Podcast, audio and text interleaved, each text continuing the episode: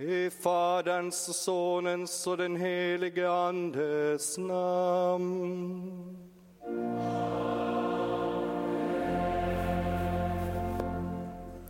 Herren vare med er.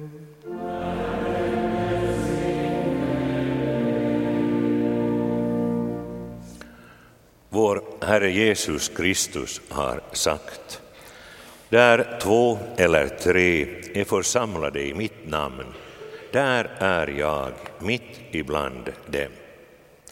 Kristus är nu mitt ibland oss. Han förlåter oss våra synder och renar oss från all orättfärdighet.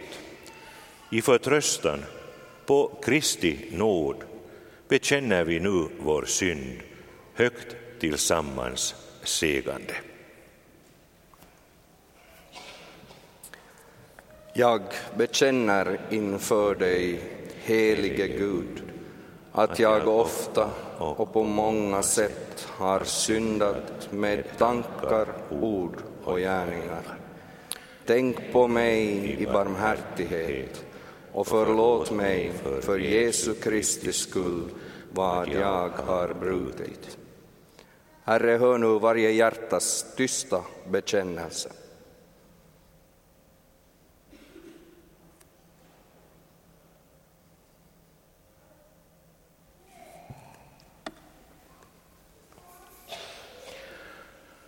Vår Herre Jesus Kristus har sagt om ni förlåter någon synder är de förlåtna. Därför får du som nu har bekänt din synd tro att den förlåtelse som jag nu förkunnar för dig är Guds egen förlåtelse. Som vår Herres Jesu Kristi tjänare säger jag till dig att Gud av nåd och för Kristi skull förlåter dig alla dina synder.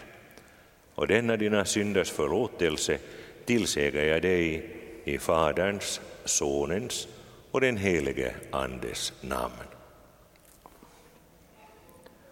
Låt oss be. Käre himmelske Far, tack Gud för att du förlåter oss våra synder för Jesu skull. Stärk vår tro, öka vårt hopp och förnya vår kärlek. Amen. Temat för denna söndag är Guds omsorg. Låt oss nu bli stilla i bön kring detta. Himmelske Fader, i din omsorg om oss människor har du skänkt oss din son som är ditt eviga ord. Vi tackar dig för denna din omsorg och ber, låt Kristi ord öppna våra hjärtan så att vi kan prisa dig och vittna om dina gärningar. Amen. Den första läsningen för denna söndag läser vi i Andra Moseboks 16 kapitel. Jag har hört hur Israels barn knotar. Tala till dem och säg, vid aftontiden ska ni få kött att äta och i morgon ska ni få bröd att mätta er med. Så ska ni erfara att jag är Herren, er Gud. Och om aftonen kom vacklar och övertäckte lägret och följande morgon låg dagfallen runt omkring lägret. Och när daggen som hade fallit gick bort, se, då låg över öknen på jorden något fint, så som fjäll, något fint likt rimfrost. När Israels barn såg detta frågade de varandra, vad är det? Ty de visste inte vad det var. Men Mose sade till dem, detta är brödet som Herren har gett er till föda. Och så har Herren befallt, samla av det var och en så mycket han behöver till mat. En gomer på var person ska ni ta efter antalet av ert husfolk och var och en åt så många som han har i sitt tält. Och Israels barn gjorde så, och den ene samlade mer, den andra mindre.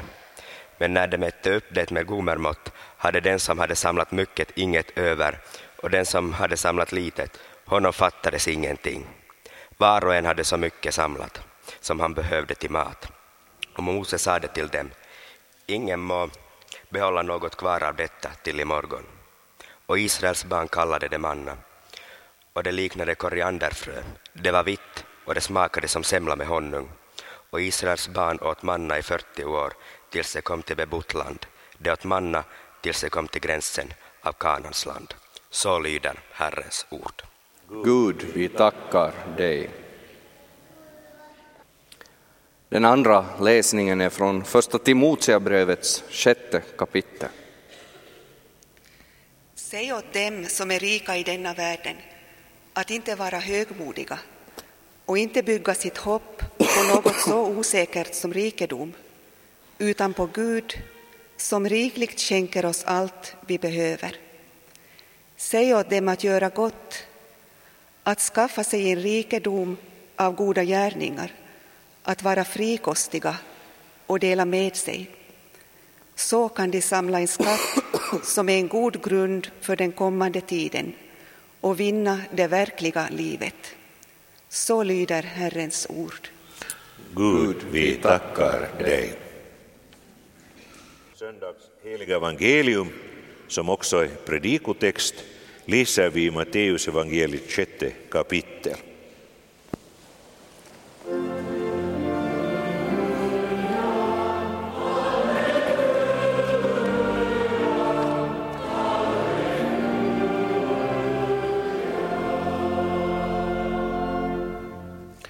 Jesus sade, samla inte skatter här på jorden där mal och mask förstör och tjuvar bryter sig in och sker. Samla skatter i himlen, där varken mal eller mask förstör och inga tjuvar bryter sig in och sker. Ty där din skatt är, där kommer också ditt hjärta att vara. Kroppens lampa är ögat. Om ditt öga är ogrumlat får hela din kropp ljus.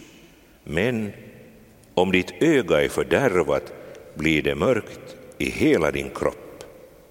Om nu ljuset inom dig är mörker, hur djupt blir då inte mörkret? Ingen kan tjäna två herrar. Antingen kommer han att hata den ene och älska den andra. Eller att hålla fast vid den ene och inte bry sig om den andra. Ni kan inte tjäna både Gud och mammon. Så lyder det heliga evangeliet. Halleluja,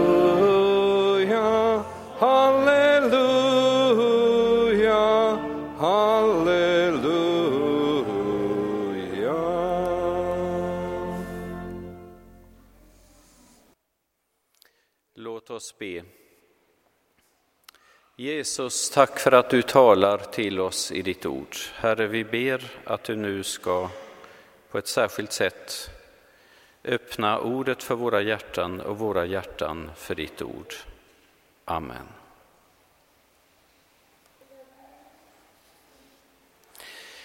Idag så undervisar våra texter oss på ett särskilt sätt om Guds omsorg. Men vi ska nu eh, stanna särskilt inför evangeliet och fundera över detta med den kristna livsstilen. För de här sakerna hänger ihop, hur vi kan förtrösta på Guds omsorg och hur vi lever våra liv. Om vi då tänker på evangeliet så lyfter Jesus fram tre saker. Den första är ganska lättbegriplig, kanske inte att göra, men att förstå vad han menar. Samla er inte skatter på jorden, utan samla skatter i himlen. Det kan vi göra oss en bild av. Sen eh, använder han en andra bild som är ganska komplicerad. Ögat är kroppens ljus. Om ditt öga är friskt får hela din kropp ljus. Men är ditt öga sjukt ligger hela din kropp i mörker. Om nu ljuset i dig är mörker, hur djupt är då inte mörkret? Där kan vi verkligen fundera över vad är det Jesus vill säga till oss. Och sen kommer då en tredje bild. Ingen kan tjäna två herrar. Antingen kommer han då att hata den ena eller älska den andra. Ni kan inte tjäna både Gud och mammon. Och den bilden kan vi också förstå, men vi kan fundera över vad den innebär i praktiken.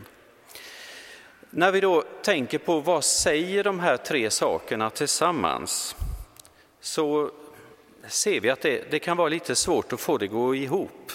Men då ska vi minnas en sak och det är att han som har skrivit det här, nämligen Matteus, han är ingen virrpanna utan han är själva motsatsen till det. Vad hade han för yrke? Ja, han var ju tulltjänsteman och det innebär att han förenade två av de mest pedantiska yrken som finns, nämligen att vara statstjänsteman och ekonom. Åtminstone vi i Sverige tänker ofta att sådana brukar vara väldigt pedantiska. Det innebär att Lukas, Matteus, när han har skrivit sitt evangelium, han arbetar väldigt ofta med strukturer. Det är väldigt ofta välgenomtänkt, komponerat. Det är inte associerande som till exempel i Markus evangeliet. Och det innebär att när man, när man möter svåra eh, texter hos Matteus så har man ofta hjälp av att titta på sammanhanget. Därför att i det större sammanhanget så finns det ofta bärande tankar och sen kan man använda det för att tolka detaljerna. Och um, det är så jag hade tänkt att vi skulle stanna till inför evangeliet. För själva sammanhanget är hela Matteus kapitel 6. Så om ni vill gå vidare i de här tankarna, läs gärna Matteus 6 när ni har kommit hem. Det första vi möter här, det är antalet alternativ. Antalet alternativ. Vi människor hoppas ofta att vår livsstil och ja, vår livsvandring ska kunna rymma en massa fantastiska mål och vi kan känna att fältet är väldigt öppet för oss. Sen om man bor i Sverige så, så finns det en speciell tolkning av de här sakerna och det är att det finns ofta två extremalternativ och sen så kan man då under sitt liv hitta en gyllene medelväg.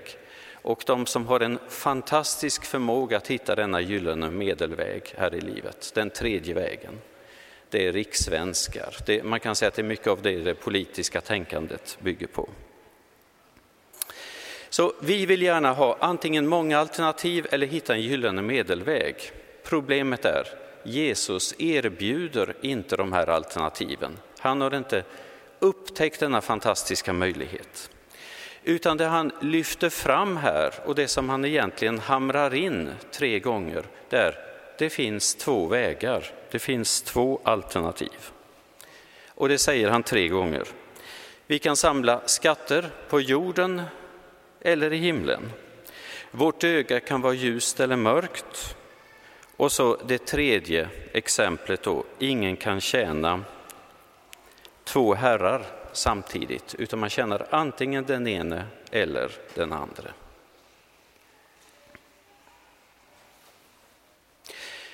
Så av dagens evangelium kan vi konstatera detta. Under vår livsvandring så finns det bara två alternativ. Det som Jesus på ett annat ställe i bergspredikan kallar för den smala vägen eller den breda. Så det är liksom den första saken som vi möter här i evangeliet. Då kommer vi till den andra punkten. Hur ser valen ut i praktiken? Hur ser valen ut i praktiken? Ja, om vi då backar till början av eh, kapitel 6 i Matteus så ger Jesus tre exempel på goda respektive dåliga val. Först så talar Jesus om givande. Allmosor står i den gamla översättningen. Och där visar han att det fanns ett demonstrativt givande och så fanns det ett diskret givande. Och han sa att den som ger på det här rätta sättet, honom kommer Gud att Eh, belöna i det fördolda. Den som ger i det fördolda kommer Gud att belöna. Så det var detta, vad ska man säga med välgörenhet och kollekter och gåvor och allting sånt. Det finns ett falskt och felaktigt sätt, det finns ett rätt sätt. Sen undervisar Jesus om bön och gudstjänstfirande och ska vi kanske säga fromhet. Att det finns ett sätt att försöka leva inför Gud som egentligen handlar om att imponera på människor. Men så finns det då den äkta fromheten, det riktiga bedjandet. Och i samband med det så undervisar Jesus faktiskt om bönen Fader vår, så det är där vi hittar, hittar den i det sammanhanget. Och så för det tredje, detta med fasta, ett sätt att fasta för att imponera på folk och ett sätt att fasta, ja, ett som behagar Gud, där det inte riktar sig till människor utan till honom. Så Jesus lyfter alltså fram det här med den falska religiositeten och den äkta fromheten. Och det intressanta är då, om man går in och tittar på de ställena, så används just det uttrycket som vi sen möter i evangeliet idag, det där med skatter i himlen. Gud kommer att belöna den människan som inte lever med den falska fromheten utan som lever i en äkta relation till honom.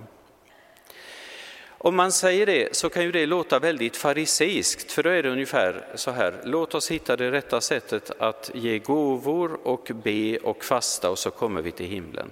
Men det är inte det som är själva poängen här. Det är inte det att det är på grund av denna livsstil som vi får, får gåvor ifrån Gud och kan bli belönade och så. Utan de vittnar om att vi har gjort de rätta valen under vår livsvandring att vi lever på väg till himmelen i gemenskap med Jesus. Så det är inte på grund av våra gärningar som Gud kommer att belöna oss, utan det är medan vi lever med Jesus så kommer vi att göra saker som Gud inte så att säga glömmer bort, utan han är medveten om dem.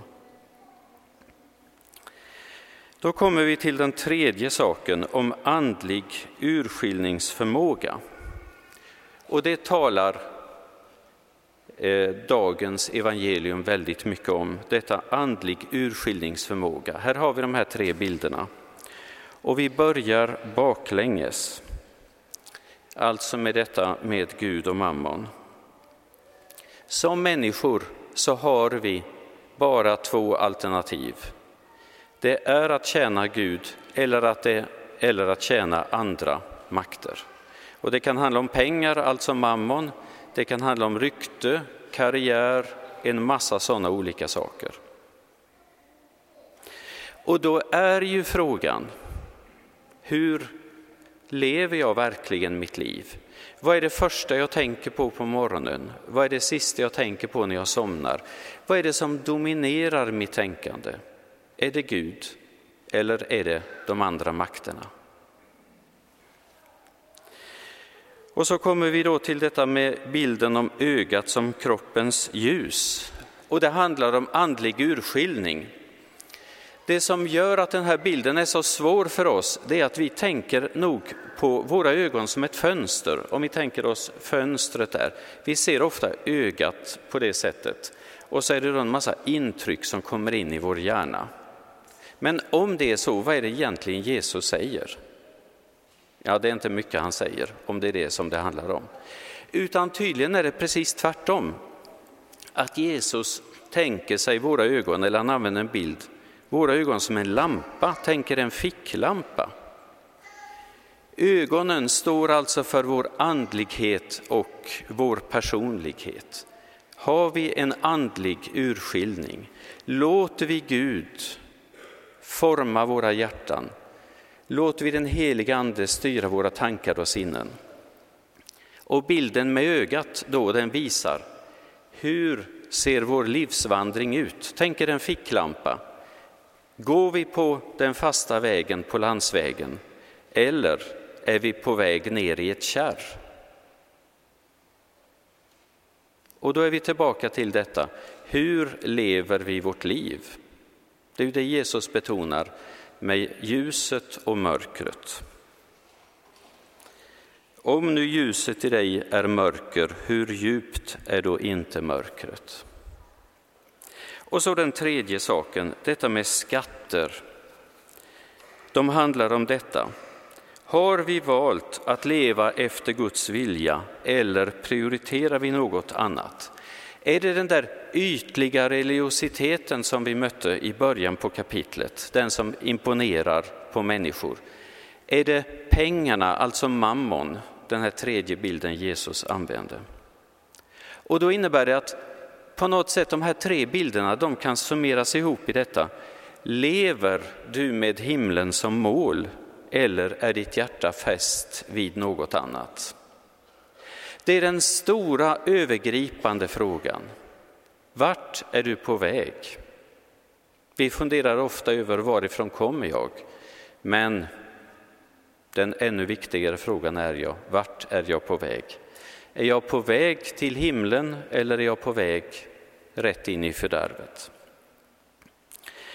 Och då kommer vi till det som blir själva sammanfattningen och den har vi varit inne på vid flera tillfällen i, i denna gudstjänst.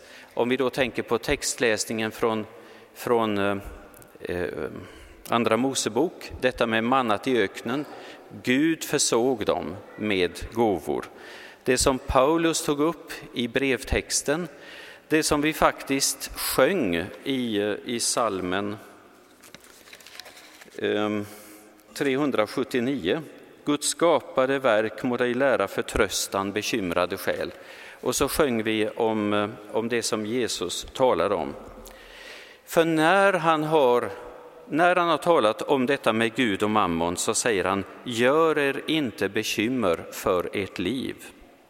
Vad ni ska äta eller dricka, inte heller för er kropp vad ni ska klä er med och så vidare. Vi behöver inte bekymra oss för de här sakerna.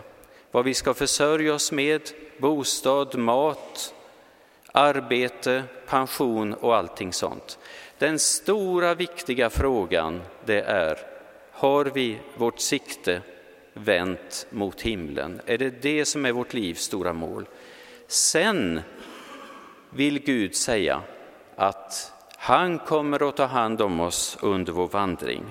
Och därför står det så här i Matteus 25, det som följer efter texten med orden om mammon. Därför säger jag er, gör er inte bekymmer för ert liv, vad ni ska äta eller dricka, inte heller för er kropp vad ni ska klä er med. Är inte livet mer än maten och kroppen mer än kläderna? Se på himlens fåglar, de sår inte, de skördar inte och samlar inte i lador, och ändå föder er himmelske fader dem. Är inte ni värda mycket mer än det? Gud försörjde sitt folk med manna i öknen.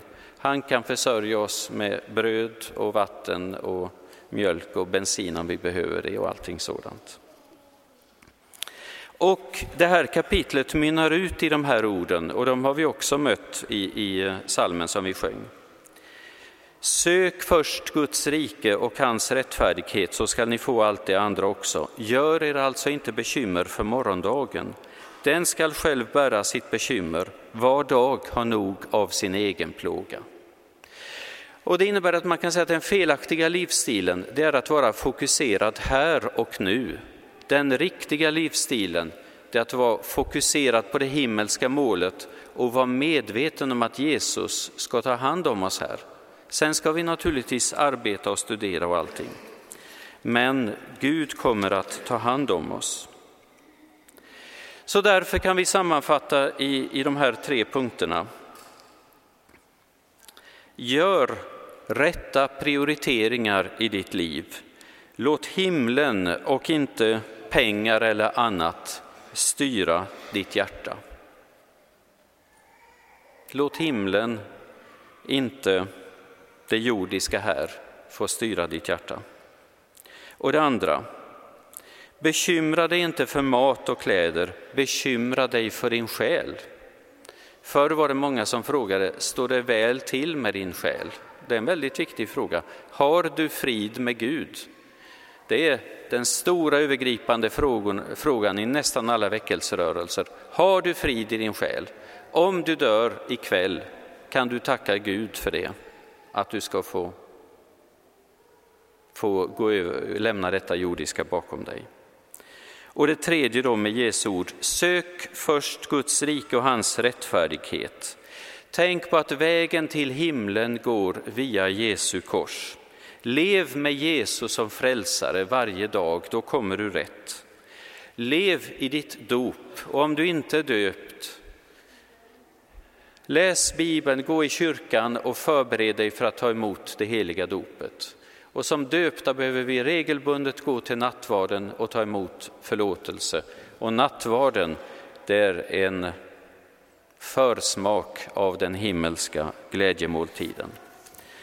Så till sist alltså, sök först Guds rike och hans rättfärdighet, så skall ni få allt det andra också. Gör er alltså inte bekymmer för morgondagen, den skall själv bära sitt bekymmer. Var dag har nog av sin egen plåga. Då samlar du skatter i himlen, då har hela din kropp ljus. Låt oss be. Tack Jesus för alla goda gåvor som du ger oss här under vår jordevandring. Låt oss ta emot dem ur din hand. Och Herre, led oss till det himmelska målet så att vi får ta emot den stora underbara gåvan, evigheten med dig. Amen. Låt oss nu tillsammans bekänna vår heliga kristna tro. Jag tror på Gud, Fadern, den allsmäktige, himmelens och jordens skapare, och på Jesus Kristus, Guds ende son, vår Herre, som blev avlad av den helige Ande, föddes av jungfrun Maria, led under Pontius Pilatus, korsfästes, dog och begravdes, steg ner till dödsriket, uppstod på tredje dagen från de döda, steg upp till himlarna, sitter på Guds den allsmäktige Faderns högra sida och skall komma därifrån för att döma levande och döda. Och på den helige Ande, en helig allmännelig kyrka, det heligas gemenskap, syndernas förlåtelse, kroppens uppståndelse och det eviga livet.